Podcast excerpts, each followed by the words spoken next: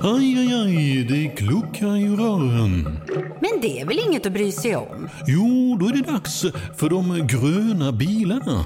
Spolarna behöver göra sitt jobb. Spolarna är lösningen. Ah, hör du? Nej, just det. Det har slutat.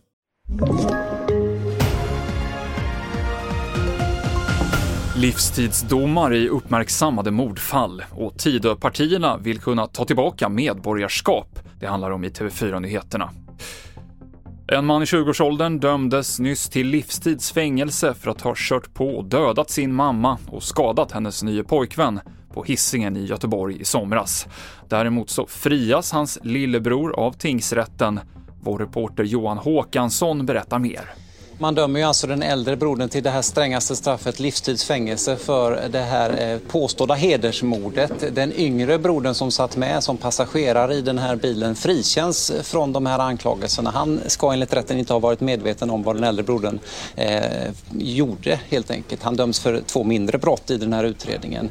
Eh, man har pratat mycket om det här misstänkta hedersmotivet. Tingsrätten menar att eh, åklagaren i och för sig har visat att det finns mönster och värderingar som förekommer i så kallade heders kulturer men, att in, men inte har lyckats visa att mord är ett sätt att bevara eller återupprätta heder i det här sammanhanget. Eh, men det, han, den äldre döms alltså ändå till livstidsfängelse för mord.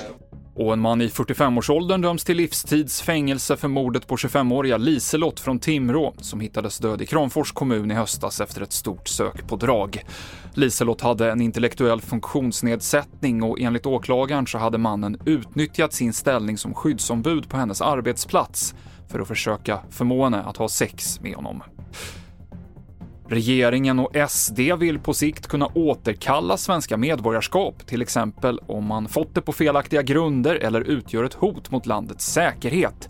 Det här kräver dock att man ändrar i grundlagen, så planen är att tillsätta en utredning om hur det skulle kunna gå till.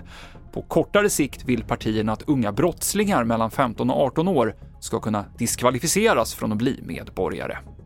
Omkring 100 000 byggnadsarbetare har nu fått ett nytt kollektivavtal efter att parterna kommit överens. Det handlar om löneökningar på 7,4% på två år och en ny kontrollfunktion som ska granska företag och underentreprenörer för att motverka kriminalitet och fusk i byggbranschen. TV4-nyheterna i studion Mikael Klintevall. Sälja bilen? För dåligt betalt av din traditionella bilhandlare? Växjö Bilförmedling hjälper dig. Vi börjar med en kostnadsfri värdering. Tänk vad skönt att slippa tvättning, fotografering och ta hand om alla tänkbara och otänkbara köpare. Se vår instruktionsfilm på Facebook om hur det fungerar och anlita oss. Växjö Bilförmedling.